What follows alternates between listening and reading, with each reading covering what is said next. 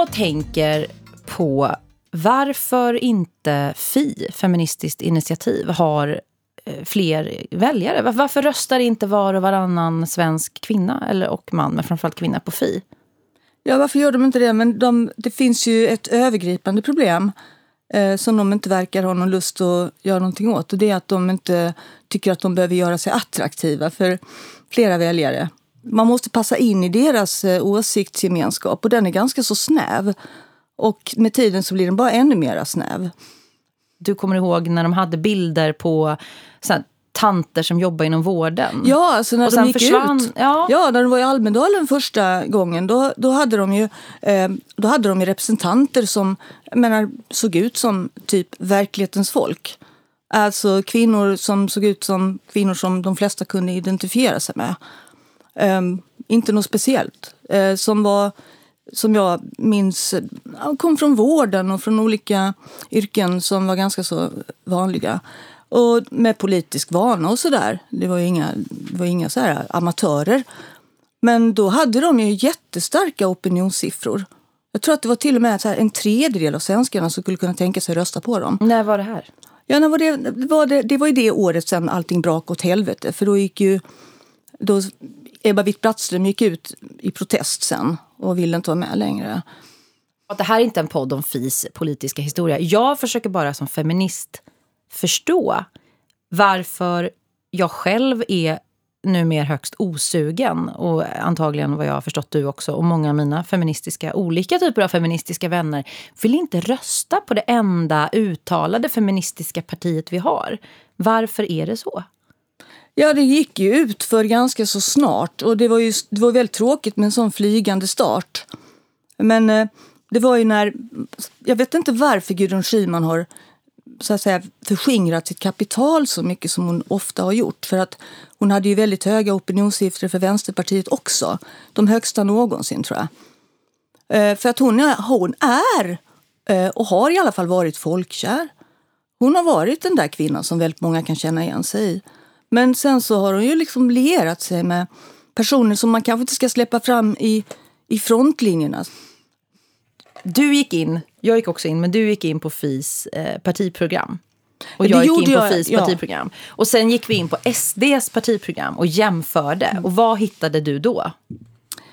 Ja, det var intressant. Det var, och det var ju det året då Gudrun faktiskt gjorde en ordentlig offensiv. Då hon gick ut med de här homepartisarna som var väldigt eh, populära och uppskattade och jobbade som så helt fantastiskt vilken arbetsmaskin hon är. Mm, verkligen. Och satt eh, hemma i folks vardagsrum och höll hov och berättade om sitt, sina planer och mål med partiet. Och då, då sa hon att på ett sånt jag var och besökte sa att, då sa hon att det var, deras främsta mål var att eh, krossa SD eh, som också var på betydligt stark frammarsch då.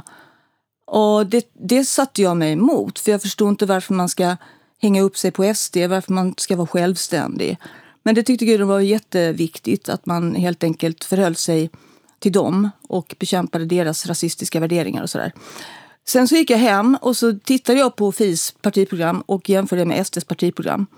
Och då såg jag ju eh, vad SD har att vinna, alltså vad SD, vilken, vilka fördelar SD har. För att de lyckas ju attrahera väljarna. De, var ju, de är ju fortfarande det, väldigt, väldigt konkreta. Det är väldigt mycket siffror. Det handlar om hur mycket man ska få kvar i plånboken. Det handlar om exakt hur mycket a-kassan ska höjas och liknande saker. Medan Fi, och det är fortfarande så. Jag var inne och kollade igår. Jag förstår, jag Vad tyckte du då när du läste deras partiprogram? Nej, men det är ju bara en massa fluff. Det är ju liksom 80 sidor, jag vet inte hur många sidor det är, men det är jävligt många sidor värdegrund rakt upp och ner. Och jag, jag tänker om en undersköterska eller för den delen en akademiker eller en, en, en så kallad vanlig kvinna går in och läser på FIs sajt. Hur ska man så här, hur tilltalar det här mig? Varför ska jag rösta på det här partiet? Vad vill de? De vill rädda hela världen. De är, liksom, de är Sida och Amnesty och eh, någon annan välgörenhetsorganisation samtidigt. Men vad de konkret vill för kvinnor som bor framförallt i Sverige som har de utmaningarna som vi har här eh, på olika sätt, det framgår inte riktigt. Någonstans mellan raderna, men det är, bara, det är massa fluff. Ja, jag det... vill inte ha fluff, jag vill ha konkretisering. Hur ska vi få in feminism på agendan i politiken, på, liksom i riksdagen, på riktigt? Men då kanske man inte ska ha den inställningen som Fi har. För att om man tittar på deras partiprogram så är det ju väldigt mycket pekpinnar. Och det är väldigt mycket floskler som att vi tycker det är viktigt med mänskliga rättigheter och därför vill vi att alla ska ha samma rättigheter eh, i det här landet. Jaha, det är nästan alltid de i inledningen, de inledningsraderna. Att vi tycker det, vi, är väldigt, vi månar väldigt mycket om, om allas lika värde och därför tycker vi att alla ska ha lika värde. Alltså det, det säger ju ingenting. Förlåt, Och det är långa utläggningar också. Det är ganska så snårigt. Alltså det är långa, långa kompakta textmassor. Vi kan ju i alla fall, det här avsnittet ska inte heller handla om Fi, bara att vi ska såga dem. Vi utgår från det, men vi kan i alla fall konstatera att eh, svensk, eh, svenskt debattklimat och också vänstern som vi själva tillhör är i en långdragen existentiell kris. Har jag fel? Den krisen tycker jag har på något sätt kommit och gått under årens lopp. Det är precis som att Det är som en manodepressivitet. Ja, det är det. du? Bipolärt. Det är som varje gång, varje gång de får ett uppsving så måste de ta ner sig själva. Eller i alla fall utesluta alla möjligheter att fortsätta uppåt. För jag, jag läste, eller nej, jag lyssnade på en podd som du och jag har lyssnat på båda två. Eh, Cultural, Wa- Culture Wars. Eh, en, en brittisk podd som har olika gäster.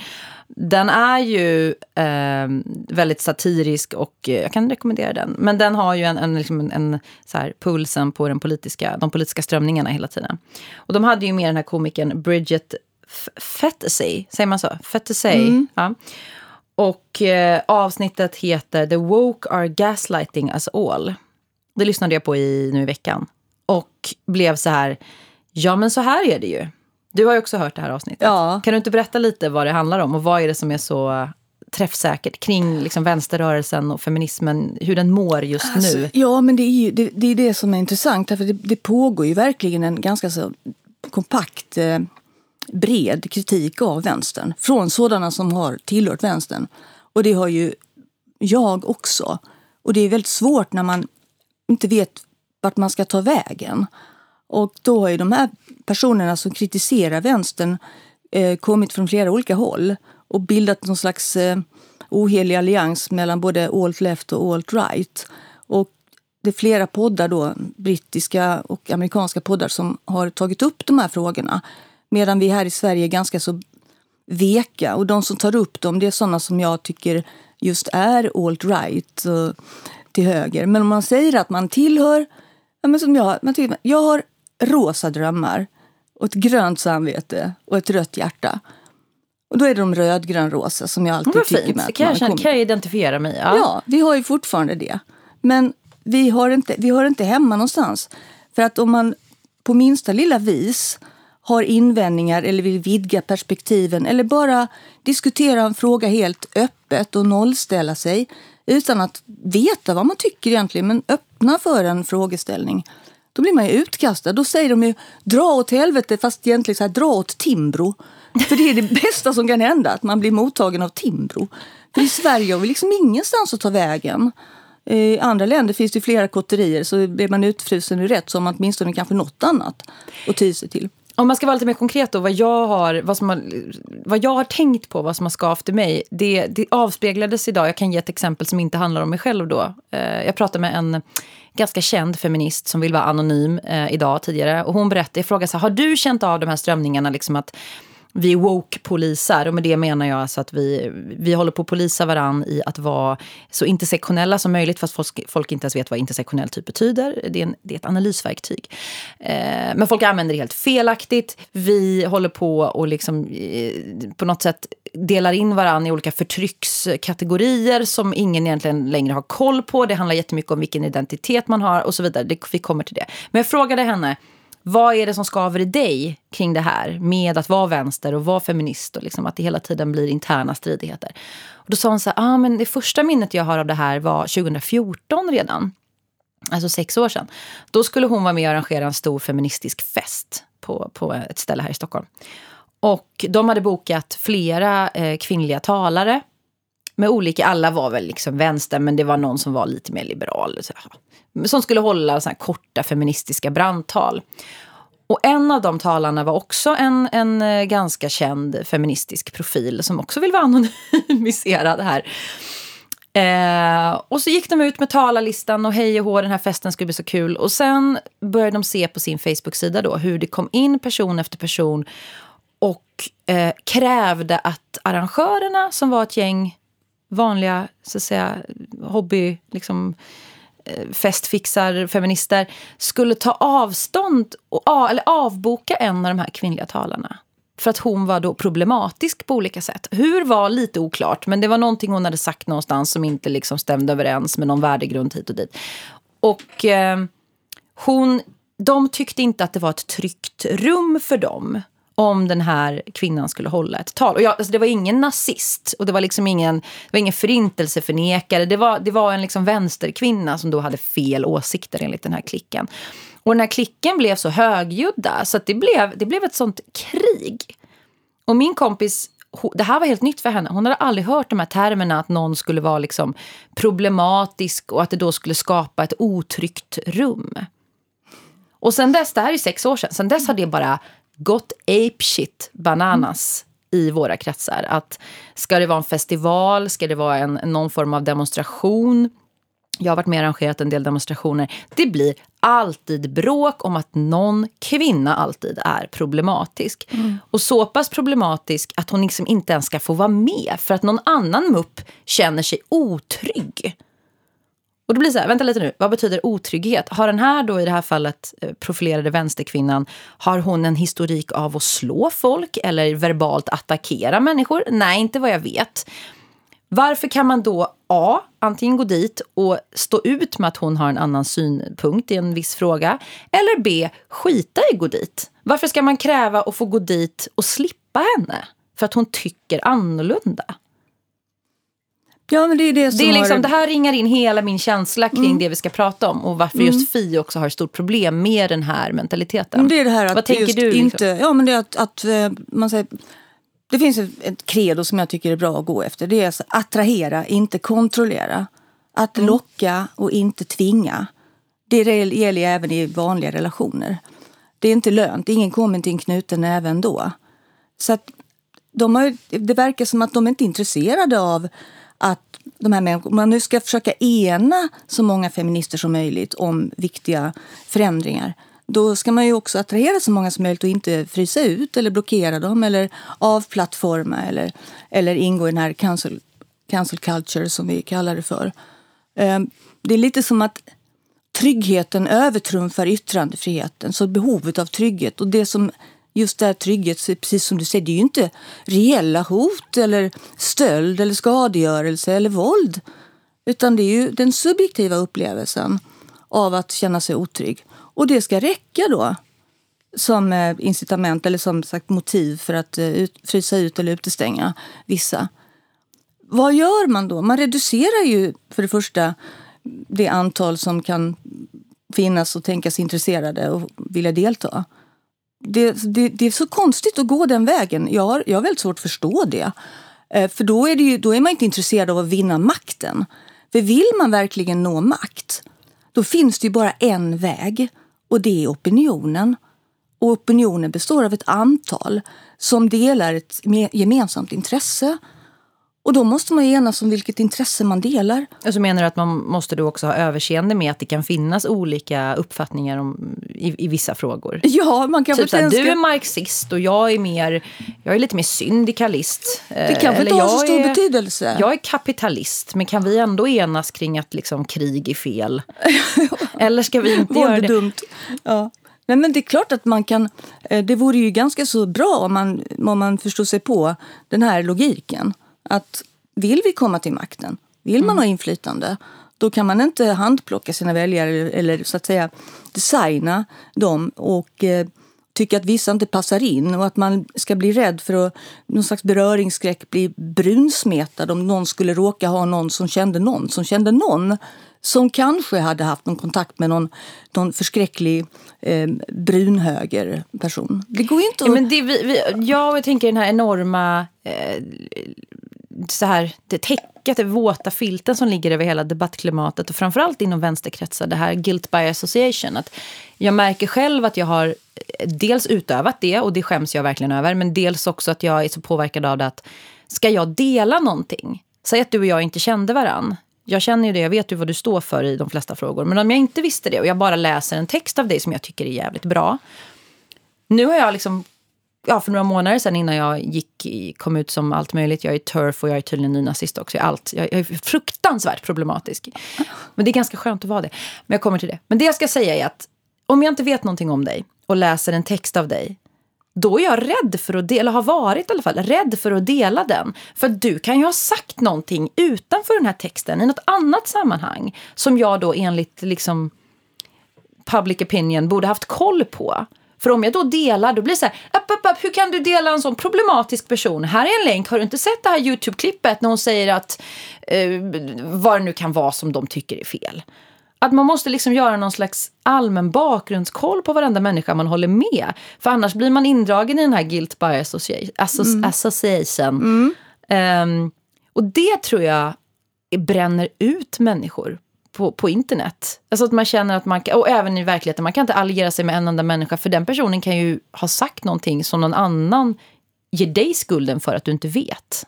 Ja, det är någon typ av renhetssträvan, att man ska vara ren. Man ska inte smittas av något hemskt virus av någon annan åsikt eller någon annan ideologi. Det får inte finnas någon, någon överhuvudtaget någon berörings... Något närmande till någon annan, något släktskap på långt håll. Ingenting sånt. Det ska vara fullständigt rent. Det ska vara, en, ja, det ska vara etiskt rent enligt deras ideologiska premisser. Och då, då hamnar man ju till slut i de här utrensningarna som, som vänstern har gjort sig känd för. som tydligen måste upprepas hela tiden. Men idag har det blivit värre. Jag tycker att det har blivit en... Man, vänstern har alltid ägnat sig åt sånt här. Den rätta, den rätta läran. Det har varit maoister och ni vet, Ja, men du berättade ju på 70-talet hur... Ja, då hur... förökades genom delning. Alltså, det var ju bara stridigheter. Till satt alla helt paranoida inom varsin så här cell och var oroliga för Säpo. Och till slut gick alla i terapi och så dog vänstern den gången. Och så blev alla på 80-talet blev alla kapitalister istället. Exakt, så kom eh, vad heter det, finansvalparna och ja. yuppisarna och det. Men jag ska läsa faktiskt en anonym kommentar jag har fått lov att citera från en Facebookgrupp. Jag är med i diverse olika så här, radikalfeministiska, jättebra grupper. Vågar du säga det nu? Ja. Då, då, kommer, då kommer åsiktspolisen, ja. då kommer woke-polisen att ta mig. Hjälp. Men det är en tjej som har skrivit så här om just samtiden, debattklimatet och den här, liksom, det vi pratar om, den kontrollerande eh, konsensuskulturen.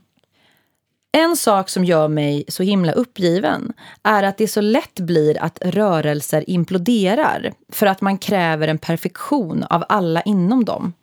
Eh, det är, så, det är så enorma mängder med energi som läggs på att tillrättavisa dem inom rörelsen snarare än en sund debatt, vilket jag alltid tycker är viktigt och härligt. Istället för att gemensamt röra oss framåt. Omfamna olikheter och ha en levande relation till dem med ömsesidig respekt och högt i tak när vi diskuterar. Jag vet inte, jag känner mig bara ledsen idag för att vi hela tiden kommer ifrån de viktiga frågorna och skjuter på varandra istället. Jag själv identifierar min feministiska, mina feministiska spår vara den eh, ekofeministiska, där jag främst är inspirerad av Elin Wägner och Fogelstadgruppen och Vandana Shiva. Eh, kan känna mig helt uppgiven när vi hamnar i skyttegravar samtidigt som våra barns framtid tas ifrån dem för att vi behandlar jorden utifrån samma mis misogyni som kvinnor behandlas med. Det var mm. fint tycker jag. Det var väldigt vettigt. Ja. Och det är väl det lite när man pratar med, om de här begreppen med woke och, och åsiktskorridor. Alltså det här är ju begrepp som högern har kidnappat så fort man bara använder de här orden, så bara högerretorik.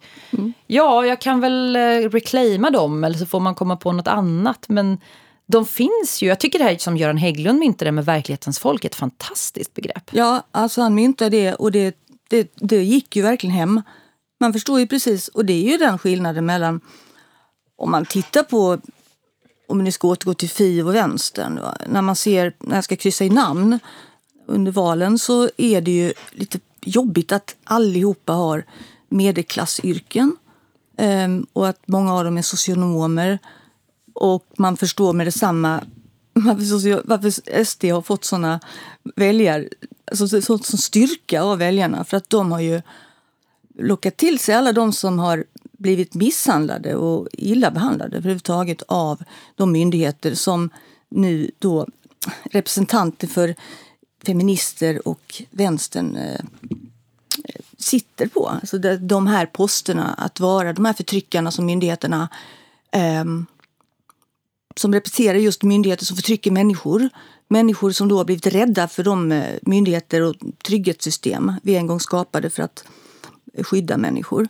Och eh, det blir lite konstigt med de här, det här fjärmandet från så kallat verklighetens folk. Eh, när ingen av dem har kontakt längre med verklighetens folk, nästan tycker att de är lite äckliga. Och det är det jag menar, stöter bort de väljargrupperna. Precis som att de skulle bli sämre av att människor från, eh, ja, utifrån landsorten röstar på dem som kanske inte har samma smak som de, som kanske inte är veganer, som kanske inte är, är har... Ja. Men smakar till Ullared och... Ja, de ty ja. tycker det är roligt att handla på Ullared. Jag menar, de kanske har dålig smak. Man kanske inte alls skulle umgås med dem privat, man skulle tycka att de eh, kanske åt äcklig mat. Men det spelar ingen roll för att det är ju varje, en röst, en, vad är det det heter? En man, en röst. Alltså varje röst är lika mycket värd. Men jag funderar på också att eh, det skulle vara så skönt att bli höger. För att högern verkar vara enormt förlåtande mot varann. Internt. Alltså är du kristdemokrat eller sd för den delen så känns det som att du kan komma undan. Du kan göra vilket jävla klavertramp i stort sett som helst. Och dina allierade i den gruppen säger, framförallt om du är man då, men även kvinnor, säger så här, ja ja, det var en dålig dag.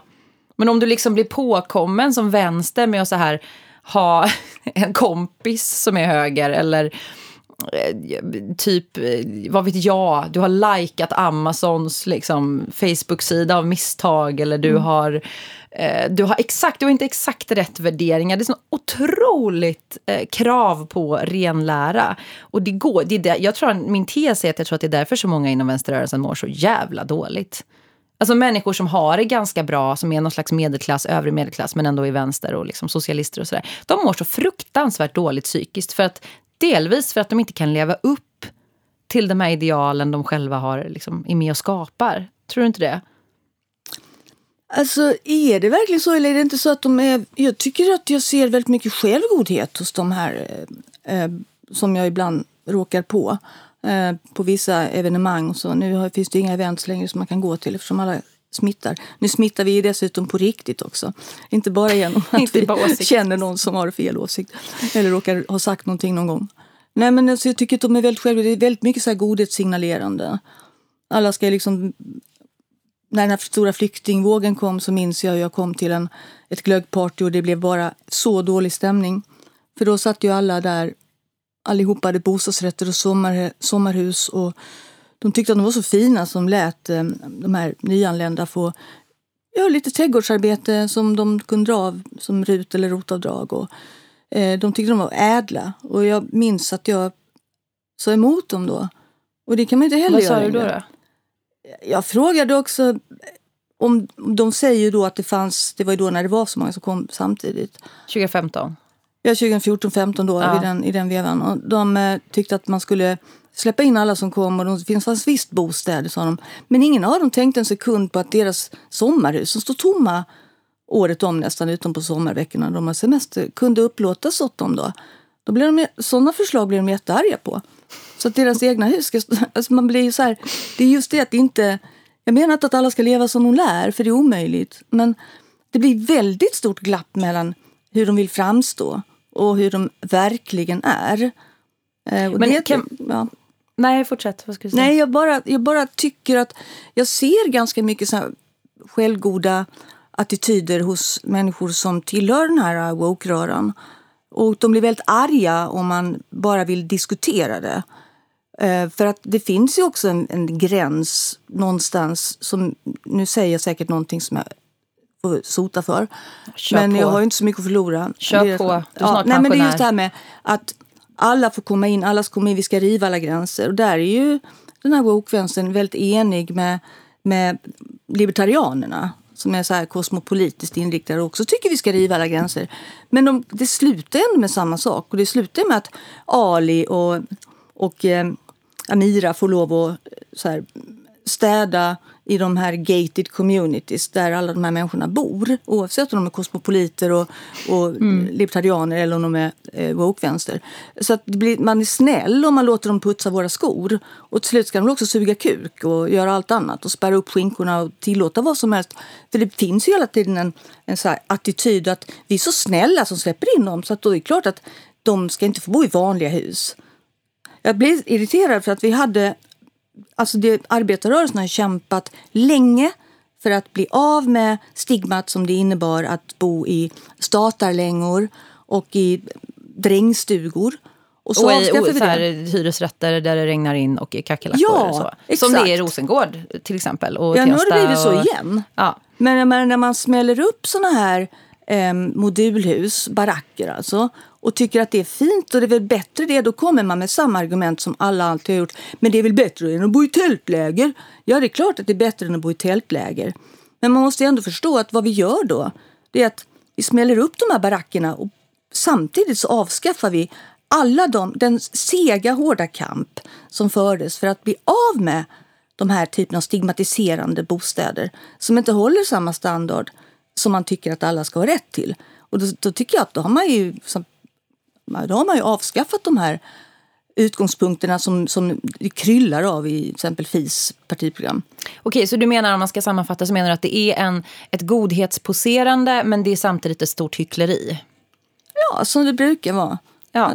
Det finns ju alltid Plus väldigt mycket, är... nu är vi inne i någon slags depression på grund av corona och världsekonomin. Så nu är det ju en depression också. Nu, är alla, nu har ju liksom alla, framförallt vita övre medelklass, alla har psykisk ohälsa. Och jag förringar inte det, jag har själv haft det. Det har ingenting med pengar, man kan vara rik och deppig. Men det är ju liksom en, en epidemi av eh, framförallt kvinnor som har eh, psykiska, ja, men psykisk ohälsa och blir sjukskrivna och mår jättedåligt. Men samtidigt har jättemycket tid inte alla, men ganska många, och sitta på nätet och liksom vara någon slags aktivister på nätet och polisa andra i att de gör fel. Ja, men det är någonting som har brett ut sig väldigt mycket. Ja, men jag tror det har med, alltså jag kan inte se en annan förklaring. Alla de här som liksom skriker högst i debatten om trygga rum och att man ska triggervarna när man pratar om mens och sån skit. Det är människor med väldigt stor psykisk ohälsa som får liksom styra hela narrativet. Ja, men man tänker sig Eller så här... vad fan är förklaringen annars? Nej, men jag, nu, är vi, hamnat... vi är inne på farligt vatten. Ja, men alltså, ja, man simma verkligen, på. Nej, men jag, om man verkligen ska titta på nu alla de här misslyckandena i de här rörelserna som inte lyckas attrahera tillräckligt många och som för en tynande tillvaro och ändå skriker väldigt högt om man tänker på Fi nu. Jag vill inte baktala hela för jag, röst, jag har ju slängt bort mina röster på Fi. Jag har också röstat på Fi. Ja, men det finns jättebra människor inom Fi, herregud. Absolut. Men du pratar ju om den strukturella... Men alltså själva, själva den, man tänker strategin eller den taktik de använder sig av så är den ju, så är den ju kontraproduktiv. Men det, det, vi, det vi pratar om hela tiden det är ju hur man... Det blir ett race to the bottom. För att om man ska samla intersektionella poäng och de som samlar ihop flest intersektionella poäng vinner. Är det mm. då de som ska sitta vid makten? Då blir det ju väldigt mycket psykisk ohälsa.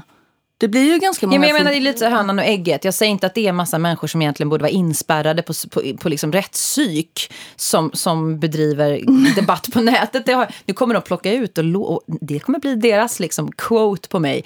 Det jag säger är att det blir lite som, ett, det blir som en ond cirkel att personer som själva inte mår särskilt bra, som är också är öppna med. Det går ju, går ju in på folks profiler. Numera så skriver man ju så här eh, sina diagnoser, att man är vegan och vilket pronomen man har och kanske någon, var man bor. Liksom. Det, det är som en presentation av sig själv.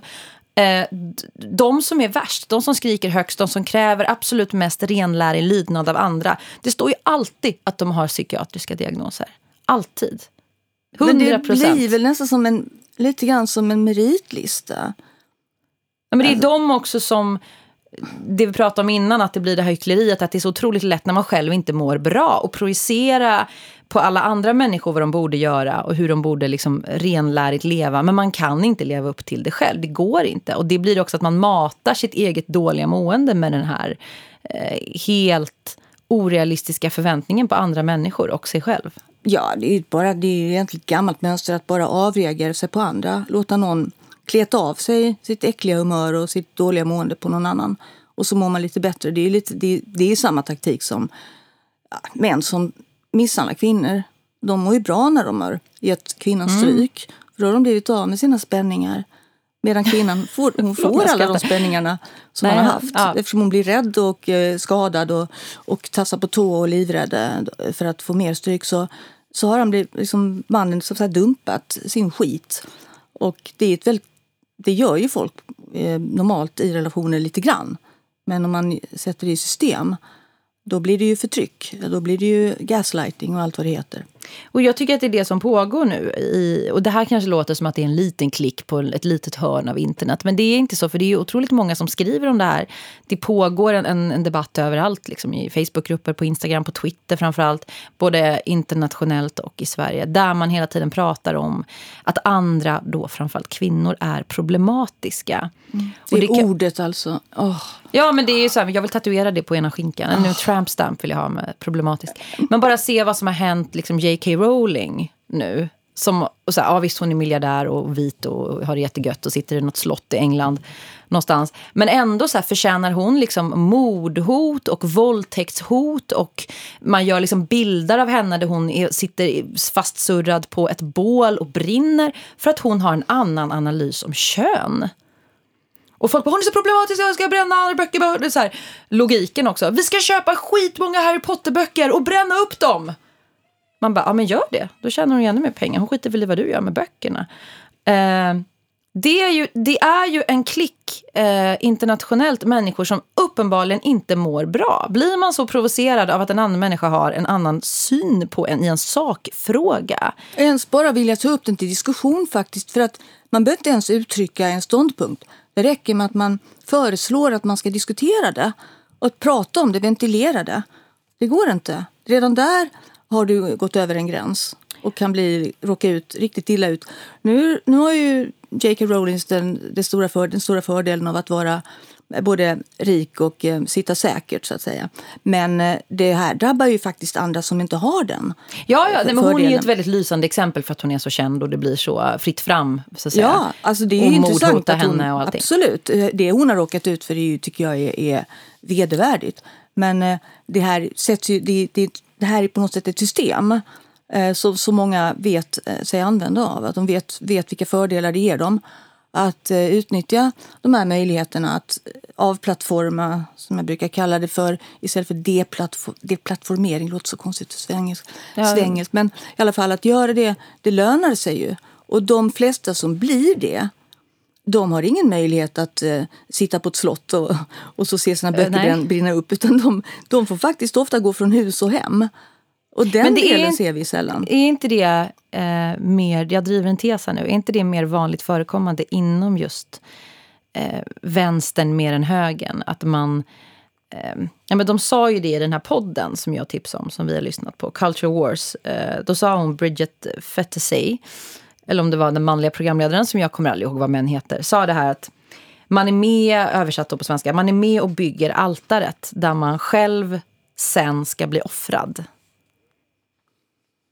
Ja, men exakt så är det ju. Alltså det är det som jag tror att man alla ska vara medvetna om att en dag nu när vi håller på, när det ska vara ett krig och man ska så här, frysa ut eller, eller stämpla vissa åsikter som fobiska mot något eller någon så kommer ju det så småningom riktas mot en själv. Alltså nästa gång är det dina åsikter eller dina, din attityd eller dina ställningstaganden som kommer att betraktas på det sättet om vi nu släpper fältet fritt för den här, för, den här typen av förföljelse.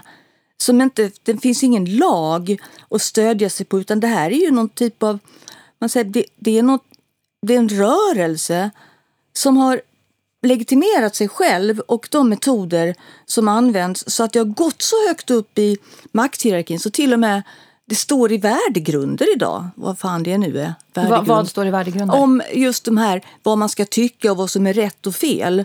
Och man går mer och mer in på detaljer. Att eh, man ska in, innesluta eller inkludera även den och den och den gruppen. Och de blir fler och fler. Och då har man liksom så här, då har man samtidigt så förbjudit eller bannlyst eh, åsikter eller yttranden som kanske eh, kritiserar det eller ifrågasätter det.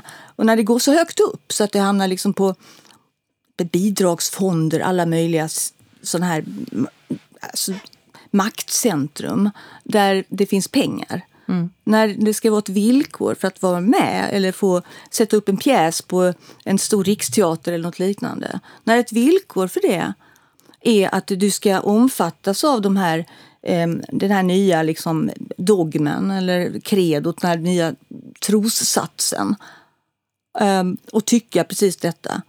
Då har det ju kommit så långt upp. Men samtidigt finns det ingen regel, det finns ingen som säger det. Nej, vi har ju flera exempel i Sverige där människor har blivit avplattformade, avbokade, eh, straffats på olika sätt. Alltså inte juridiskt, men socialt. Nej, men det är problemet är att det inte är juridiskt. För att det är då lättare om det aldrig... funnits en, en, en, eh, liksom, eh, ryss, eh, ett, en Putin-lag Ja. som hade sagt så här, du får inte tycka det här. Nej, för då får du 30 dagars fängelse om du skriver det här på Twitter. Om där, ja, exakt, Då hade man kunnat förhålla sig, ja då vet jag det, jättekonstigt. Ja, men... då kan vi protestera mot just den här totalitära regimen som utfärdar sådana lagar och regler och diktat. Och det har ju hänt. Alltså, det fanns ju i Tyskland efter att eh, Röda mer-fraktionen och alltså Baden-Meinhof, ja. härjade och skrämde vettet ur eh, folk och mördade dem hade sig. De hade sina idéer om hur de skulle, att de skulle åstadkomma revolution på det sättet genom att kontrarevolutionen skulle avskräcka folk och då skulle alla an, ansluta sig till den riktiga revolutionen. Men det var ju bara narcissistiska män Ja, som alltså, ville det var, ligga. men det var ju mer också teoretiker och akademiker. Ja, men narcissistiska män som ville ligga. Ja, det absolut. Det var ju, de var ju djupt störda, det kan man direkt säga. Men eh, eh, Eh, det, det, det tog, och sen utnyttjades såklart rädslan för de här terroristerna till att eh, stifta nya lagar och, och också strama åt vad man fick lov att säga och tycka. Och det, det gjordes ju. Och då fick man någonting som kallades för berufsverbot. Eh, yrkesförbud, alltså det har ju förekommit i många versioner, men det- yrkesförbudet som utfärdades då, eh, det var i början på 70-talet. Det gjorde att folk började med självcensur och blev jätterädda för att det är alla, som ville ha yrken i, alltså i offentlig eh, regi, offentliga befattningar som lärare och liknande. De vågade inte säga sina åsikter för att om man var pacifist eller om man var miljömedveten och det behövdes inte särskilt mycket för att få yrkesförbud.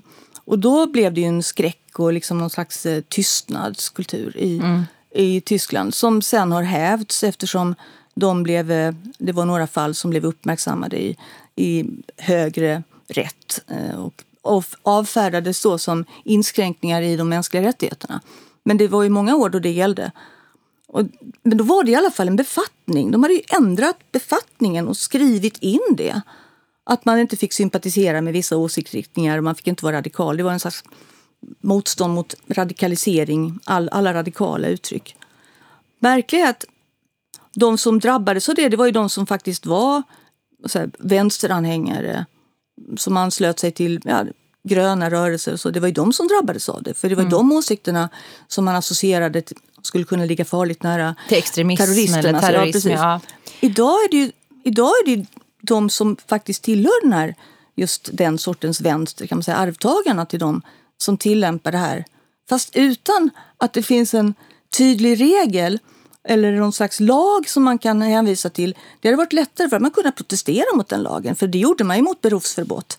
Det kallades ju ja, men, ja, men precis, nu är det ju mer, nu är det ju jävligt fly, flytande vad vi pratar om cancel culture, vi pratar om tystnadskultur, så blir folk så här, nej, det där är högeruttryck, det finns inte. Samtidigt som väldigt många nu i, i olika läger på nätet också och debattartiklar, jag ska läsa här alldeles strax ur en, eh, flaggar för att de känner sig tystade, granskade, straffade, utfrysta, cancellerade och så vidare för att de har vissa åsikter. Och obs, då är det alltså inte åsikter att liksom svarta är mindre värda eller att någon är mindre värd eller att någon ska dö, utan det är bara att man har en annan analys kring, det kan vara kön, det kan vara eh, ge- genus, jämställdhet, det finns ju några sådana laddade frågor, eh, migration, eh, integration, tycker man liksom att Ja, men det finns ju exempel på eh, kvinnor i Sverige med invandrarbakgrund som kämpar mot hedersvåld, olika organisationer, som anses vara jätteproblematiska för att de här kvinnorna är då islamofober.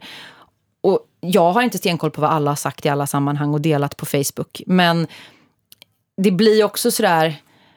Ja, om det nu är en, en före detta, en kvinna som har vuxit upp i en strikt liksom, totalitär eh, miljö som in the name of islam har förtryckt henne. Typ Knutby. Så här, jag har vuxit upp i Knutby, oavsett vilken religion det är som ligger till grund. Då är det inte så konstigt att den personen sen hatar religion, inklusive den religionen.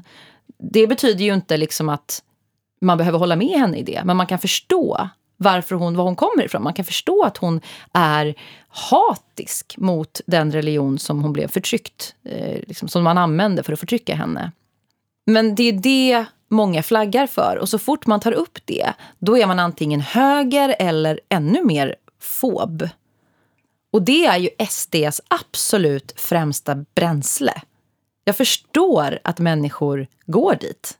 Jag skulle aldrig göra det själv, men jag förstår att man, går, att man hamnar där. Om man till slut blir så utfryst och hatad för att man beskriver någonting man har sett och mött själva. Det är flera av de här kvinnorna som jobbar med de här frågorna som har gått till SD. Ja, men det är det jag säger, som vi har varit inne på förut. att du sa att, att högern, de är ju inte alls så exkluderande utan de säger Nej, jag vet inte, jag har aldrig varit i högern. Nej, jag, jag, vet, har, jag har en illusion om att de är så här Nej, förlåtande mot varandra. Så är det ju eftersom så många får plats där nu. Alltså, de, de, de, Alla får vara med. Det gör inget, kom hit ändå även om du är kommunist, det gör ingenting. Du är välkommen här du också. Här får, du lite, här får du lite punch. Tak, ja, liksom. Här får du lite punch. Ja, nej, men det är ju så att de... Eh, och Sverigedemokraterna har ju varit väldigt eh, inkluderande mot alla. De, är inte så nogräknade. De vet ju att ju fler väljare de har, ju fler medlemmar de har, desto bättre går det för dem, desto mer makt får de. Det som tydligen vänstern envist har missat gång på gång. Så det är ju den, det är välkomnande. Du blir välkommen. Du får vara där ändå. Du måste inte tycka likadant i alla frågor som de gör.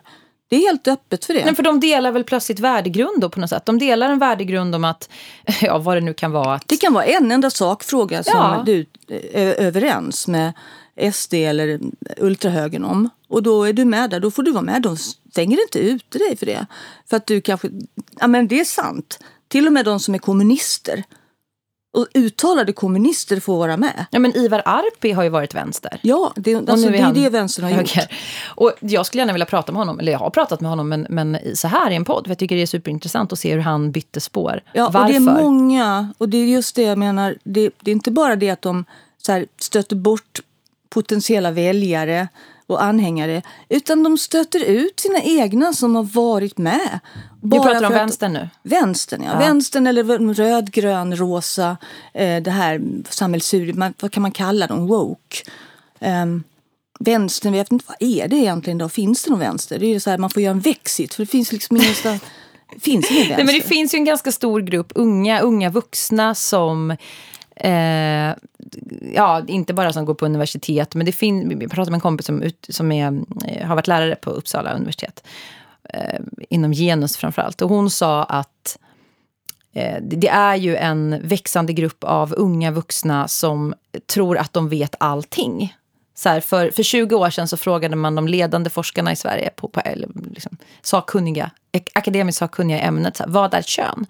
Ingen kunde riktigt svara på det. Det är, så här, det är jävligt svårt att säga. Det beror på vad du menar. Menar du biologiskt kön? Menar du liksom eh, könsroller? Menar du det man kallar för gender identity mm. och sådär? Men nu så eh, upplever diverse personer jag har pratat med som jobbar eh, och utbildar, liksom, har eh, jobbat på de här institutionerna eh, där folk pluggar genusvetenskap. Varenda klass, varenda, eh, vad heter det? student kursare, säger man så? Jag har aldrig pluggat på högskolenivå. Varenda student liksom på 19-22 år med så här blått hår och piercing i näsan vet exakt hur världen funkar och exakt hur det ligger till. Och det får de väl göra för det tillhör väl att vara ung. Jag visste ja, också svin mycket. Om de är unga så fine. Är man 20, 22 någonting där, visst absolut. Jo men det blir ett problem när det liksom hänger kvar. När man är 30 och mm. när man då sitter på Twitter och Instagram och Facebook och sådär och, och, och bygga det här narrativet. Mm. Att eh, det är de jag tror man pratar om som vänstern som är woke. Att de är så uppe i sin egen röv så att de kan inte se eh, det blir någon sån här confirmation bias. Alltså förstår vad jag menar? Att de bara bekräftar varandras världsbild hela tiden. Det blir som en sekt. Ja, det är det verkligen precis som en sekt. Och de använder sig också av gemensam fiende som sekter gör. För sekter är alltid beroende av en gemensam yttre fiende. Annars kan de inte hålla samman inbördes. Nej, Och då, då inkludera då dem. ser man ju de här, eh, och det är, ju, det är ganska lätta, enkla fiender de, utse, de utser och det är ju då Sverigedemokrater och andra. Så istället för att försöka sno deras anhängare, deras sympatisörer, man ska ju sno deras sympatisörer, man ska försöka ta, få in dem.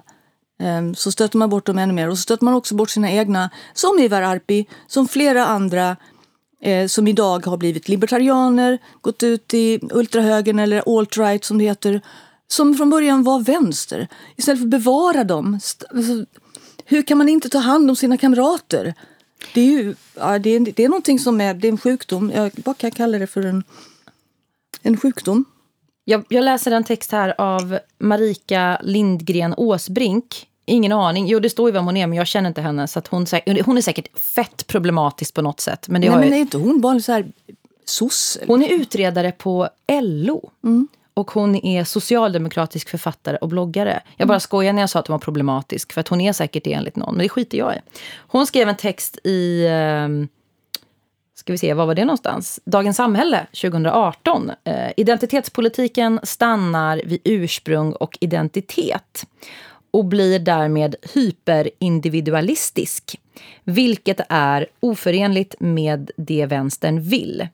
Vi drömmer ju om ett annat samhälle, om transformation, inte att statistiskt räkna kön, etnicitet eller sexuell läggning. Det kände jag var ganska träffande kring, kring eh, mina något eh, osorterade tankar om det här. Va, vad känner du?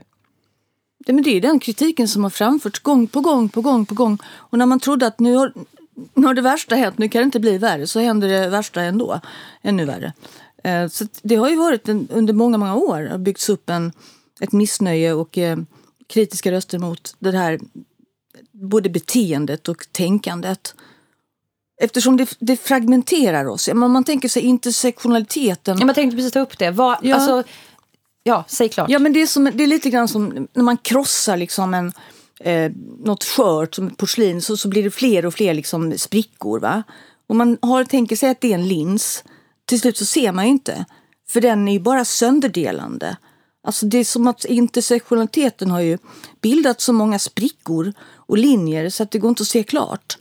Ja, alltså, om man verkligen vill veta vad intersektionalitet betyder så kan man ju googla. Det är alltså en makt, det är en analys för att beskriva hur förtryck... Alltså att jätteförenklat, det är inte så jävla svårt. Eh, en svart kvinna eh, som dessutom är funktionsnedsatt eller varierad ska man säga nu för tiden. Hon utsätts ju för fler förtryck än en vit, able, liksom rik kvinna, typ som jag. Men det betyder ju inte att man ska ställa förtryck emot varann hela tiden och mäta förtryck. Vem, och räkna liksom, vem har flest poäng? Vem, liksom, det blir ju också att vänsterrörelsen ska ta in rena alibin. Så här, ja, men nu, har, nu har vi liksom Fatima i rullstol här som dessutom är transperson. Hon kanske inte alls vill vara något jävla alibi. Hon vill väl bara ha sin agens och driva sina frågor. Men den här liksom vita övre medelklassvänstern ska plocka in he- henne eller hen för att bevisa hur goda de är. Fast de skiter egentligen i henne, de bryr sig inte om vad hon tycker. Men de använder andra människor liksom för att positionera sig. Och det är det jag upplever att den intersektionella, liksom, det, det man ens pratar om, intersektionell analys betyder. Så här, 20-åringar sitter på internet och polisar mig så här, skaffa din intersektionell analys. Ja, du vet ju fan inte ens vad det betyder. vad, vadå? Du driver inte intersektionell feminism. Ja, men hur fan driver du intersektionell feminism? Vad är intersektionell De feminism? vet inte vad de pratar om och det är, det är väldigt svårt att prata med folk som inte vet vad de pratar om. Som, Men de bara rapar de här orden. Problematisk, intersektionell, Mm. eh, så här, educate yourself säger man ju mycket i debatten på Twitter. gå ut och skaffa studieskulder liksom. Mm. Nej, men om man säger, du har ju också fått höra det. Eh, Du har ju varit med så länge så att du vet när det här kom. Ja, alltså att det du, så är du intersektionell? Och vad, vad är det för dig? Tendensen har ju funnits att det, det, det var ju bara att de här intersektionaliteten det är det att det finns olika maktordningar. Och intersektionell, intersektionell analys är egentligen bara ett verktyg för att se hur de här olika maktordningarna samspelar. Ja, men tack för att du förklarade bättre än Ja, mig. och Ja. det är ju alltså, men det är ju på en ganska så akademisk nivå. Det ska ju användas i forskning och så. Det är inte mer än man ska kleta en massa konstiga intersektionella invektiv på varandra. Så att man ska tävla om vem som har mest poäng i det. Ehm, det var, inte, det var inte så det var tänkt. Men det har alltid blivit så att de, är, de har ju blivit alibin. Så man är då, idag ska man vara då rullstolsburen och svart och eh, alltså rasifierad och eh, vad kan man mer behöva vara? Trans kanske, eller, eller något icke-binär. Det ska vara så många som möjligt. Och ju fler poäng, desto bättre har den här människan, desto mer värd är den människan som... Eh, desto mer värd är den människans röst kan man ju säga då. Mm. Eh, det blir en omvänd värdeskala på något sätt. Eh, när jag var med i 70-talets vänster, jag var lite för ung för att vara helt eh, klockren och eh, mogen för det men jag, jag var väl där och nosade. Och då var det väldigt fint att vara arbetare, riktig arbetare, proletär. Men typ jobba i hamnen i ja, Göteborg? fabrik liksom. Fabriksarbetare. Ja, som, ja. Vad heter han? Röjnarottan, Vöjnarottan. Ja, men sån. Ja. Eh, det var, ju ett, det var det finaste av allt. Mm. Och vara från arbetarklassen, komma från den miljön. Och då hade man alltid några som kunde så här stoltsera med det, som var en äkta proletär. Och det var lite fint att ha som maskot och som ett alibi och gulligt liksom. Eh, för, för de flesta var i medelklassen. Med de, någon akademisk förälder? Ja, de var ja. akademiker och sen gick ju de den långa marschen genom institutionerna som vi alla vet och blev, skaffade sig bra jobb som kunde förtrycka eh, alla som sen eh, fortsatte att vara arbetare. Men de hade ju en sån här liten, liten utflykt och alla de här akademikermännen eh, med långt hår och skägg, så här hippietyper som arbetarklassen hatade och äcklades av var, var tvungna att börja jobba på fabrik ett år. För att de skulle uppvigla Som en arbetarna. liten safari? Ja, det var verkligen ja. en här riktig safari. Så de jobbade på fabrik bland de här gråsossiga arbetarna och skulle uppvigla dem till att göra revolution. Och där kommer de här tomtarna med långt hår och skägg och tummen mitt i handen och, och, och tungan rätt i mun och ska liksom så här, eh, prata politik med gråsossiga arbetare som bara blev ännu mer gråsossiga efter att eh, de hade varit där och gjort sin gästsession. För sen försvann de ju vidare in på universiteten igen. Men alltså det, det gav ju bara motsatt effekt. Och det är väl lite grann den här, just det som händer när man ska liksom så använda sig av en klass eller epitet eller förtrycksordningar som några är utsatta för och ha det som någon typ av eh, ett bevis på att man är rätt och att man har liksom förstått hela saken. Men man kommer ju aldrig dit för att de här människorna som, eh, som utgör de här förtryckta grupperna, de är ju aldrig med på riktigt. För de vill egentligen Nej, men de, har, de får ju inte någon reell makt. Utan men, man säger så här, lyssna på den här personen. Eh, lyssna på henne, lyssna på honom, lyssna på henne. Eh, så här, backa, lyssna, backa, lyssna. Och där kommer ju också det här med, jag ska komma till Ja men de vill ju inte, de nej, men de vill ju inte ihop liksom. De har nej, ju de vill ju inte ge de här personerna någon reell makt. Nej. Det är ju inte så här, ja men då kan du väl kliva av ditt liksom prestigefyllda, om du sitter i styrelsen för blaha blaha, så kan den här personen ta över. Nej, det går ju inte. Utan, men jag ska liksom stoltsera med att den här människan, jag följer den här eh, personen som plockar alla poäng, som är förtryckt på alla sätt. Bara liksom för att jag ska, ja men det är ju lite som Black Lives Matter i USA som i grunden är en väldigt bra rörelse. Men det finns ju också statistik nu på, som inte jag kan i huvudet, men på hur många vita som faktiskt har ställt sig längst fram i de här demonstrationerna. Mm. Och liksom skrikit åt svart polis. Så här, vita, medelklass, uttråkade liksom 22-åringar som pluggar genusvetenskap typ. Och bara approprierar de svartas kamp och använder sig upp. De kanske brinner för, för liksom antirasism, det gör de säkert på något plan. Men det är så uppenbart att de använder det som en, liksom, en statussymbol och en positionering. Eh, ja, vad var det Joe Biden sa? Han sa ju någonting så här, ett yttrande som har blivit världsberömt och inte särskilt uppskattat av alla att de som röstar på Trump, eh, de svarta som röstar på Trump är inte svarta eller sånt där jätteknasigt. Men där han vill liksom också kamma hem poäng på att han stöttar de svarta. Men det ska ju vara en viss typ av svarta som ska vara, de ska motsvara den här bilden man har av den förtryckta svarta befolkningen. Och de som inte går med på det, de blir också bannlysta. Då är de ju hus, mm, mm, mm, ni vet. Hus, BLA, ja. ja. precis. Men det är ju eh, det som du pratar om 70-talet och de här alibina som man har. Det, det, går ju igen, det är så som woke-vänstern som vi nog höger, på högermaner kallar dem för. Eh, det är precis så de håller på också. Att eh, liksom unga personer, det är helt fine att ha massa idéer, liksom, vara idealist när man är ung. Det har jag, också. Jag, var ju, jag var ju expert på barnuppfostran innan jag fick barn och sådär. Men de sätter tonen väldigt mycket. Um, och de polisar andra vuxna människor i hur de får debattera, hur, vad, vad de får tycka. Annars är man fob på olika sätt. Annars har man liksom förtryckt dem. En annan åsikt är att man har förtryckt. Så det skapar ju en sekterism som jag tror, den går ju igen i historien. Så där var ju min, jag har ju släktingar som var med i 70, liksom 68-vågen och sådär. Och, och dels både var de här själva men stod bredvid och försökte hänga med och vara rätt. Det upprepar sig ju bara, men nu ska man liksom vara tygpåse vegan med, eh, och så tror man att man är svinunik fast alla ser likadana ut och är, följer liksom följer, de är, de är så otroligt homogena fast de tror att de är unika. Eh, och det var där jag bara pratade om psykisk ohälsa. Att det är absolut som sagt inget fel. Jag vill inte stigmatisera. Jag har ju varit med och avstigmatiserat till exempel kring ADHD. Pratat mycket om det för tio år sedan när jag fick min diagnos. Men nu har det liksom slagit knut på sig själv att den psykiska ohälsan, ens ADHD, ADD, autism eller vad man nu har för diagnos, bipolär, den ska användas också som en, eh, liksom ett poängsystem när man pratar om de här förtrycken att du får inte kritisera mig för jag är förtryckt på grund av att jag har psykisk ohälsa. Ja, det, där, det, är så, det är det som är, gör det här, hela den här, det här komplexet. Det blir så svårt att Förstår bemöta. du vad jag försöker säga? Ja, jag fattar precis. Men å ena sidan ska man behandla dem som precis som alla andra. De kräv, alltså det är ett krav hos alla som har ja, men Normalisera och inte ha fördomar och jättebra ja, så. De ska ja. bli behandlade som alla andra. Men samtidigt vill de bli särbehandlade. Jag får inte ihop det. Nej, för om man, om man då... Lack, jag är människa. Jag lackar ur ibland på folk som håller på och skriver till mig helt maniskt så här, klockan två på natten och skäller på mig för att de tycker att jag inte är intersektionell nog. Eller, då har jag sagt så här, men nu får du fan, du får, liksom, du får backa. Jag vill inte ha dig här. Du får gå ut i skogen eller ringa öppenpsyk imorgon. Jag vill inte ha dig här. Jag kan vara ganska otrevlig. Åh, nu är du funkofobisk. Jag har faktiskt autism. Jag har ja. svårt att... Ja, men det är väl inte mitt jävla problem att du har autism. Ring din läkare. Alltså, det är så här...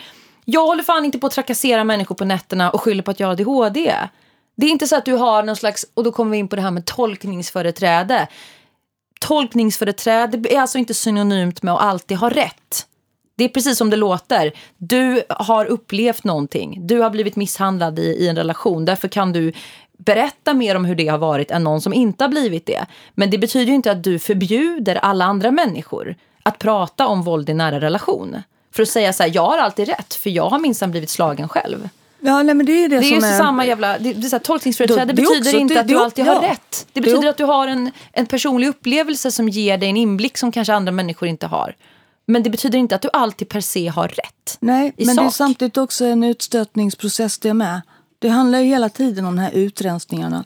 Det är väl det enda som är radikalt egentligen hos hela den här woke-rörelsen. Att man stöter ut folk på olika kriterier. Och en av dem det är också att du kan inte yttra dig om hur det är att vara förtryckt och svart. För att det är inte du. Och det är också en missuppfattning. För det kan jag visst det.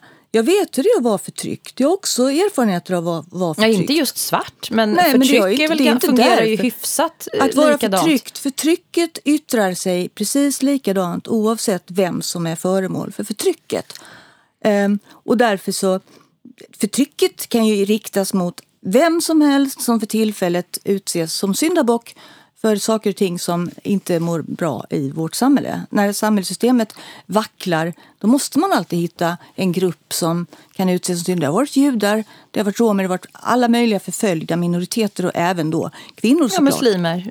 Muslimer. Kvinnor. Men de förföljs hbtq-personer. Ja, och de tillskrivs exakt samma egenskaper. Det vill säga demoniseras, avhumaniseras så att förtrycket kan fortsätta och bli mer och mer, eh, mer, alltså mer, och mer eh, vad säger, brutalt men förtryck som sådant, det är ju likadant. Och det räcker ju att jag... Du menar att det grundas i samma, det är samma mekanismer oavsett vilken, vilken grupp som blir förtryckt? Det är det, och det är samma processer. Och därför tycker jag det är otroligt sorgligt att man, att man då ska bli utesluten från att dels känna empati, dels kunna berätta utifrån, som till exempel leva sig in i hur de har andra grupper som kanske har andra egenskaper eller yttre företräden än man själv. Att känna stark samhörighet och känna att man har gemensamma upplevelser av tryck. Utan man ska splittra upp det också. Så att hela den splittringseffekten som, eh, som både intersektionaliteten och woke har ägnat sig åt, den är ju väldigt, eh, det är väldigt destruktiv. För det kommer ju sluta som att vi alla har vår egen personliga levda erfarenhet av att vara förtryckt på ett visst sätt. Och då kan ingen annan förstå det. Och då ska ingen annan heller kunna uttala sig om det. Var hamnar vi då? Vi ska väl ha en gemensam kamp? Det går ju inte föra en gemensam kamp. På dem. Jag ska läsa också vad en annan anonym person skrev i en Facebookgrupp. Um, personerna, nu syftar hon då på den här rörelsen, tror jag hon, de här rörelserna skriver hon. Jag tror hon menar då antirasism och, och feminism. Personerna i de här rörelserna är dock inte särskilt intresserade av verklighetens komplicerade skeenden och mänskliga interaktioner. De vill att världen ska vara fyrkantig och svartvit eftersom det passar deras agenda och eller personlighet. En sak de alltid missar, eller medvetet ignorerar, är att män och kvinnor har olika positioner i patriarkatet. Män står för överordningen, våldet och de sexuella kränkningarna. Kvinnor för omvårdnad, anpassning och underkastelse ur ett generellt perspektiv. Därför kan man inte klumpa ihop män och kvinnor som en homogen cis grupp, eller så cis då, som att man är, ens kön stämmer överens med ens eh, upplevelse eller könsidentitet. Eh, vita, eller där alla grupper, kvinnor och män i det här fallet, inom grupperna har samma våldskapital, samhällsprivilegier, mönster av att vilja härska över andra, ekonomisk, social, politisk och sexuell makt, möjlighet att förtrycka och så vidare. Det är också en fråga om individ och gruppperspektiv. För män tar upp det jag säger i föregående stycke. För när män tar upp det jag säger, eh, som är ett argument mot dessa rörelsers egen, egen gruppretorik, då växlar de genast till individperspektivet och kan till exempel säga så du menar att en hemlös svart man har mer, vakt, mer makt än insert, eh, insert vit kvinnlig toppolitiker, typ Margaret Thatcher. Det handlar inte heller om att kvinnor generellt inte vill se sina privilegier och hur de eventuellt kan förtryckas som vita eller cis.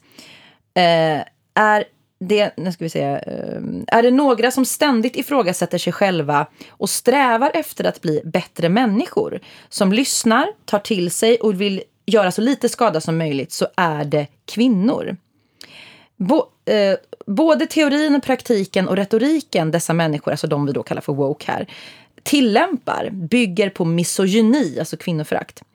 Den är designad Eh, för att, ska vi se, nu tappade jag texten här. Den är designad för att demonisera kvinnor. För att lägga fokuset på dem och därmed få bort fokuset från män och deras eh, våld mot mänskligheten, djuren och jorden. För att gas, gaslighta kvinnor och få dem att ständigt tvivla på sig själva och sin empati, intelligens och förmåga att göra korrekta analyser. Och så vidare. Det är en jättelång kommentar, men jag tyckte det var väldigt bra.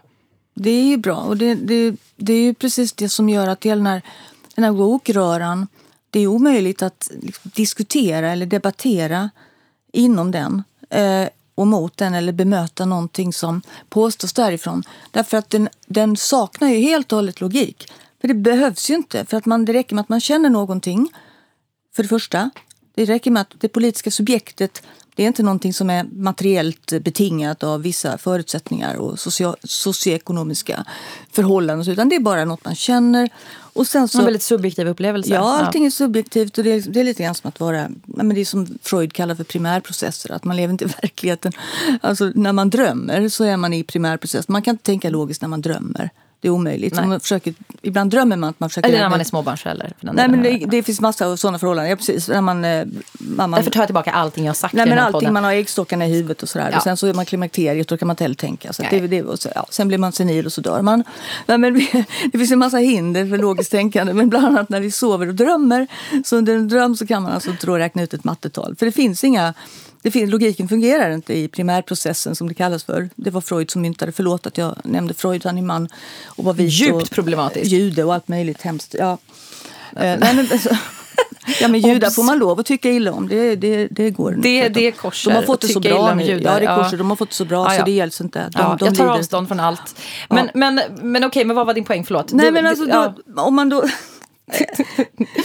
man, hur, var, hur, var, hur kom vi in på det här? Jag vet inte. Området? Vi kom in på det här med hur, hur eh, den, den, subjektiva upplevelsen av att man är förtryckt.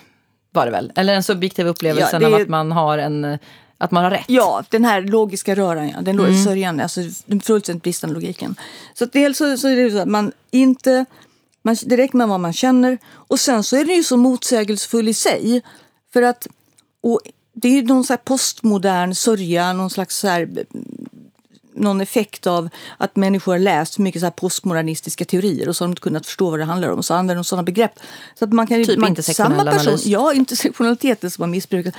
Så alltså man, kan, man kan alltså stå och säga två saker som är helt motstridiga och säga det precis efter varandra. Och sånt gör mig så fullständigt förvirrad. Men det är ju det, är det man kallar för kognitiv dissonans. Ja, jag då blir man, det. är det. crazy making. Ja. Då, det, det är alltså riktig, så här, riktig gaslighting.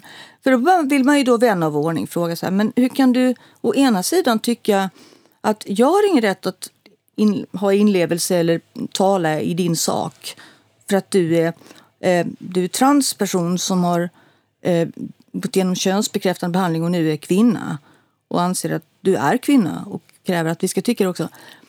Då ska vi också samtidigt som vi inte kan förstå ditt tidigare liv och hela, alla dina levda erfarenheter, då ska vi ändå förstå precis och liksom assimilera din, dina levda erfarenheter och din specifika läggning och allt det och alla de, de saker du gått igenom i vår gemenskap som kvinnor så att säga, som förtryckta kvinnor. Hur kan man då först inte leva sig in, får vi inte. Får inte tänka, vi kan inte förstå, vi kan inte berätta om deras situation. Men vi ska ändå solidarisera oss fullständigt och införliva dem i det som är att vara kvinna så mycket så att vi ska erkänna dem som kvinnor fullt ut. Lika mycket kvinnor, för det är ofta de här värderingarna att de är, skulle vi tro, vi som är födda, som kallas för cis då, skulle vi tro att det är Biologiska mer kvinna? kvinnor, mm. Skulle vi gå- där och sätta oss på höga hästar och tro att vi är mera kvinnor än de som efter, efter moget övervägande eller inte har gått igenom en könsbekräftande behandling och eller kanske rent av bara vaknar en morgon och tycker att de är kvinnor. Eh, vi ska inte tycka att vi är mera kvinnor än dem. De är lika mycket kvinnor som vi, men vi ska, och vi ska föra en gemensam kamp, föra det, driva deras frågor, samtidigt inte förstå dem. Jag kan inte, för, jag kan inte få ihop det. Och det är just de här bristande, den bristande logiken. Det är här jag kommer in så politiskt inkorrekt och säger det här är människor, nu menar jag inte alla transpersoner, herregud, men de som framförallt inte är transpersoner, som säger det här som du, som du tar upp nu, som kräver det av dig, det är ju inte transpersoner. Det är ju, det är ju liksom andra kvinnor som, är så, som vill vara så jävla woke och inkluderande så att de, de har psykisk ohälsa också. Varenda en av dem skriver ju upp alla sina diagnoser i en lista och så ska man ta hänsyn till deras jävla utspel. Det är så här, du behöver inte förstå, du ska bara acceptera. Du ska bara lyssna. Ja, men vem du ska jag hålla lyssna på? lyssna. Ja. Hundra pers med hundra olika... Nej men vad fan, lyssnar du på alla människor som vill prata med dig? Nej det gör du inte. Du skiter väl i 95 procent av alla som vill ha din uppmärksamhet. För det är så världen funkar. Men bara för, och det är också så här, det här är liksom rabiat, förlåt, radikalfeministiska perspektivet kommer in. att så här, Jag som eh, 35-årig eh, liksom radikalfeminist. Jag har blivit våldtagen, jag har blivit utsatt av män på massa olika sätt. Som väldigt, och delar den erfarenheten med väldigt många kvinnor. Jag kommer alltid prioritera kvinnors trygghet och säkerhet först. Ingen jävla snorunge på internet med ett så här påhittat pronomen ska komma och tala om för mig att jag inte är inkluderande mot människor som inte delar de här upplevelserna. Sen finns det givetvis transkvinnor som har blivit våldtagna och det är fruktansvärt. Det är lika fruktansvärt som ah, cis-kvinnor då om man ska använda det begreppet. Men kom inte och läxa upp mig i att en person som är uppvuxen som man, som är född som man, som har haft juridiskt kön som man, som har levt som man i liksom 10, 20, ja, mer, 30, 40 år av sitt liv vet vad du och jag som biologiska kvinnor har gått igenom. Det, det finns inte. Och jag är inte fob för att jag tycker det. Ingen människa Jo, är det är fob. du faktiskt. De facto säger de. De facto fob. Jag läste det. Du är de facto. De facto alltså, du är per definition fob nu när du har sagt så. Och det är också så här, ja men är jorden platt också? Är en hund en katt? Om någon upplever det så är det så. Ja, men om man tänker, jag har en väldigt stark position idag. Jag, jag, bryr, jag blir jätte såklart påverkad av när jag får dödshot och när folk skickar liksom bilder på mina barn och säger, alltså folk är, jag har fått sossanmälningar för att jag har de här åsikterna om att biologiskt kön är liksom, kanske lit, väger lite tyngre än vad någon känner sig för just idag. Känner sig som just idag.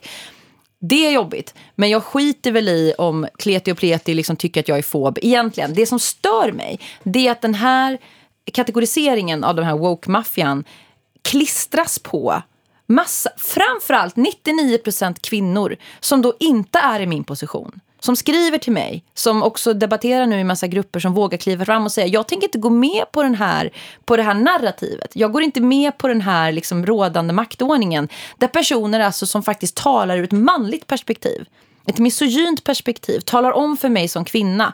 Det räcker liksom att Fan, jag har fått mejl från kvinnor, Ulla-Britt, liksom 67, som är så här, jag skrev en insändare att jag inte ville ha män i omklädningsrummet. Du vet nere i Malmö där på det här, vad heter Rib... Ribban, ja. ja. jag tror det var det. Mm. Något bad nere i Malmö, eller i Skåne.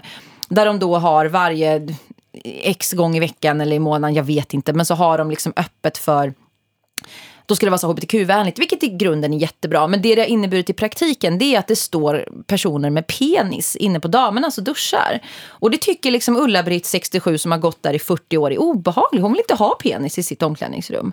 Och då blir hon hotad och hatad för att hon liksom säger ifrån. Nu är du exkluderande, nu är du transfob. Hur ska Ulla-Britt se skillnad på en kvinnokuk och en manskuk? Ja, och varför kan... ställs inte det kravet på män? Men vem har hittat på att kvinnor har kuk? Ja, jag för alla som känner själva, sig som kvinnor jag trodde det var själva kvinnor. grejen liksom. Alla, nej men det är också... Att vi man... inte har det. Att det, det, är ett jävla problem för många eh, män som har ångest och kastrationsångest för att de står inte ut med att det finns kvinnor, eller att kvinnor faktiskt inte har penis. Jag tror att Alexander Bard är en av dem som verkligen har fobier mot att kvinnor tyvärr saknar penis. Men han vill att alla människor ska ha penis? Det är det ja, jag tror ja. att det är en väldigt stark eh, önskan hos en del män som... Eh, de har ett fit, alltså. Nej, de har ett pen, nej, inte penisavund. De har ett... Kastrationskomplex, kastrationsångest. Ja, alltså, ja, de precis, tror att, vi ska, att kvinnor som inte har penis har, blivit kastra, har kastrerats. Liksom. Så att, då är de rädda att, att, det, att det går att kastrera män och bli, de ska bli av med den här fantastiska midvitten som är så himla viktig för dem. Och de, de står ut med blotta åsynen att det finns någon som saknar det så måste de försöka klistra på. Så, så plötsligt, har, plötsligt är kvinnor penisbärare. Jag bara förstår inte riktigt hur det hände. För det var ju precis det som var skillnaden. Ja, men det kan man. Jag, jag har inga problem att kalla eh, en, en person med penis för kvinna om den personen vill det. Jag är inte ute efter att kränka någon enskild och göra någon ledsen. Nej. Men ur ett strukturellt perspektiv så finns det ju vissa utmaningar kan man väl milt sagt säga. Och, och, det är väl det som Kajsa Ekis Ekman har försökt föra i sina resonemang som också J.K. Rowling har skrivit. Det är ju inget hat mot transpersoner. Jag har inte läst in en enda rad av hat. Det är en analys kring vad som händer med hela samhällsstrukturen. Och också vad som händer med den väldigt utsatta gruppen kvinnor när kön bara blir en känsla, en självidentifikation mer än ett biologiskt faktum, det som står i ditt pass. Liksom. När det bara är en, en dessutom flytande känsla, du kan skifta lite. Och det är ju också den woke, liksom, woka vänsterkvinnor som springer eh, en, en, en hel del och upprätthåller den här ordningen. Ja, men de gör sig till nyttiga idioter. Jag fattar inte varför de går de ärendena. För att när man tittar på hela det här spektrat av angrepp på kvinnor och framförallt då på feminismer, feminister och i särskilt eh, radikalfeminister. De kallas för turfs och swerves och allt det där. Då har man ju Måste... är så att man är, man är negativ till sexarbete. Ja, det vill säga liksom kritisk till prostitution, som att det är något fel och vad det Det är ju inte att man är kritisk mot personerna som, som tvingas eller vill sälja sig, utan det är för att man är kritisk mot hela strukturen kring att liksom, kvinnors kroppar ska vara till salu. Handel med kvinnors kroppar. Ja. Liksom. En det är ju, det är ju så även... då i så fall är jag gärna en swerve, om det betyder det. Ja, det, trodde, det, det, har ju många trott från början också. När de kallades för turf och swerve så sa de ingenting om det, kvinnorna som blev ut, eller kallade det. För de tyckte, ja men det är ju sant, det är ju. Men sen förstod de ju att det var ett öknamn och att, de, att det också resulterade i förföljelse och hat. Och, mm, och, och mordhot och soc-anmälningar och ja, avbokningar av jobb. Och så. Ja, men sånt. Eh, men vad ska, vi måste avsluta. Vi har snart kört i en och en halv timme. Ja, får, um, precis. Men vad, vad, vad tror du... Ja, säg vad du ska säga. Jag bara nej, frågar, vad tror du framöver? Vilja, man, man vill lägga ut en, en cliffhanger för man, det här är något man måste fortsätta och, och diskutera och dissekera. För att vad är det att vara kvinna egentligen? Det var någonting som jag avskydde. Jag, jag blev så arg för att jag blev född till det här könet som jag alltid trott, tyckte varit ett straff för att jag säkert var en man som, som bar mig åt som ett jävla arsle i mitt tidigare liv och spöade kvinnor och var ett, ett, helt enkelt en douchebag. Och som straff blev jag född kvinna. Men vad är, vad är det att vara kvinna? För vi har liksom aldrig riktigt trivts med det. Ja, jag har aldrig vaknat på morgonen och känt att jag har identifierat mig specifikt, nu, nu ska jag liksom gå upp och vara kvinna, nu, nu, jag, nu har min kvinnohjärna en kvinnotanke och nu ska jag äta min kvinnofrukost. Heja, jag känner mig som kvinna! Jag känner mig ja. verkligen som kvinna. Eh, så det enda jag har landat i, och det är därför jag känner att jag kan ju inte bli höger. Jag orkar inte med högermänniskor i en jävla dunväst heller. Men jag får, det kommer ju sluta med att jag blir någon politisk hemlös som till slut blir upplockad av Timbro de står redan och knackar ja, på dörren. de står och knackar här. jag vill inte gå dit. Jag är vänster i hjärtat som du sa. Rött hjärta, rosa drömmar och grön, grön, gräs, grön gräsmatta. Men det går inte att vara i den här rörelsen. För vi är så otroligt individfokuserade också på hur, hur exakt lever du? Har du pengar? Har du en innerstadsbostadsrätt? Du bor ju i hyresrätt i innerstan. Det är också fett problematiskt. Egentligen ska du byta den mot en lägenhet i typ Alby för du liksom ska ha någon agens uttala dig i klassfrågor. Det är så otroligt individfokuserat så att vi kommer, det, det, det, är en stor depression och det kommer bli en stor depression. Och det enda, de enda som vinner på det är män. Patriarkatet och män. Mm. Det är väl en slutsats jag drar. Att så länge vi fortsätter att woke-polisa varann, kvinnor sinsemellan på den nivån som sker nu, där man också ska ta avstånd. Eh, jag måste bara säga, jag såg, jag, jag blir inte ens ledsen, jag bara garvar. Det var, det var häromdagen var det en, en ja, känd och känd, semikänd internetfeminist som hade läst någonting jag hade skrivit om kön och lesbiska. Och att jag tycker det här liksom, att lesbiska förväntas ligga med även kvinnor som har penis då. Och att många tycker, inte vill det och då blir de kallade fober. Att jag liksom backar de lesbiska som säger ifrån. Då hade den här woke eh, vänsterfeministen delat mitt inlägg. Och så har hon skrivit så här, jag kan inte citera ordagrant, men hennes poäng var så här. Om du stöttar de här åsikterna av Cissi Wallin så vill jag att du avföljer mig. Mm. Inför sina några tusen ja. följare. Mm. Och då sätter hon alltså vuxna människor i, en, i, ett, i någon slags val, i ett, eh, vad säger man? Hon ger dem ett ultimatum. Mm. Att de kan inte både följa mig och henne. För de tycker det hon skriver är bra, de tycker det jag skriver. De måste liksom välja. Ja, det är väldigt auktoritärt. Och, och jag tycker det är så här, jag tycker det är skrattretande men också lite läskigt. För alla de här klart. unga tjejerna som följer henne. Som känner sig att de måste göra någon slags, ta, en, ta ställning på ett sätt för att det finns två människor som har olika åsikter Ja, det är lite fråga. som att man ska gallra ut i varandras bekantskapskretsar. Liksom. Men vad, det är liksom så talande för så här, hon får väl tycka vad fan hon vill om mig. Avfölj, säg att jag är en idiot. Men liksom att kräva av andra mm. människor som inte känner någon av oss att nu får du välja. Det är så här, vad fan är det för jävla sekteristbeteende? Ja, Hur ska det, det här sluta? Primadonna-beteende. Men det är lite som att du får inte tycka om eh, den och den för jag tycker inte om den och den. Men höll vi på så när vi gick i liksom. fyran? Liksom. Ja, det, det är väldigt omoget. Men, det är men vad den... din, du får ge någon så här nej, jag bara, jag bara avslutande vi, analys här. Nej, jag tycker, inte vi, vi, jag tycker vi ska fortsätta den här analysen för det tar aldrig slut. Du har kommit ut som judehatare, jag har kommit ut som funkofob. Nej, jag är absolut inte nej, antisemit. Jag, älskar, alltså jag, är mer så här, jag, är, jag är så förtjust i judar så jag skulle kunna jobba hos, hos herr Hitler på sin tid. För att jag, jag, är, jag har liksom judekomplex, jag skulle ju helst vilja vara det själv. Ja, ja. Mm. Nej, men jag, jag, bara, jag bara konstaterar hur den här podden kommer att... Eh, vad man ska sammanfatta då. Det är liksom funkofob, transfob, du är lite antisemit egentligen. Eh, vi båda är smyghöger och vi... Ehm... Ja, det är vi såklart. När vi andra ja. ögon så kommer vi ju bara räkna med att vi blir utfrusna eller utstämplade som de här. Men det finns så många etiketter så att vi, vi kan försöka vinna så många som möjligt. Eftersom man kan få så här poäng för att vara intersektionell så mm. kanske man kan få vi kan få minuspoäng. Så kan vi samla minuspoäng istället för, för alla hemska fobiska tankar vi har. Jag tänker också på Fi. Vi börjar prata om Fi. Vi ska avsluta snabbt och prata om Fi. Jag pratade med Farida som är en av partiledarna för Fi.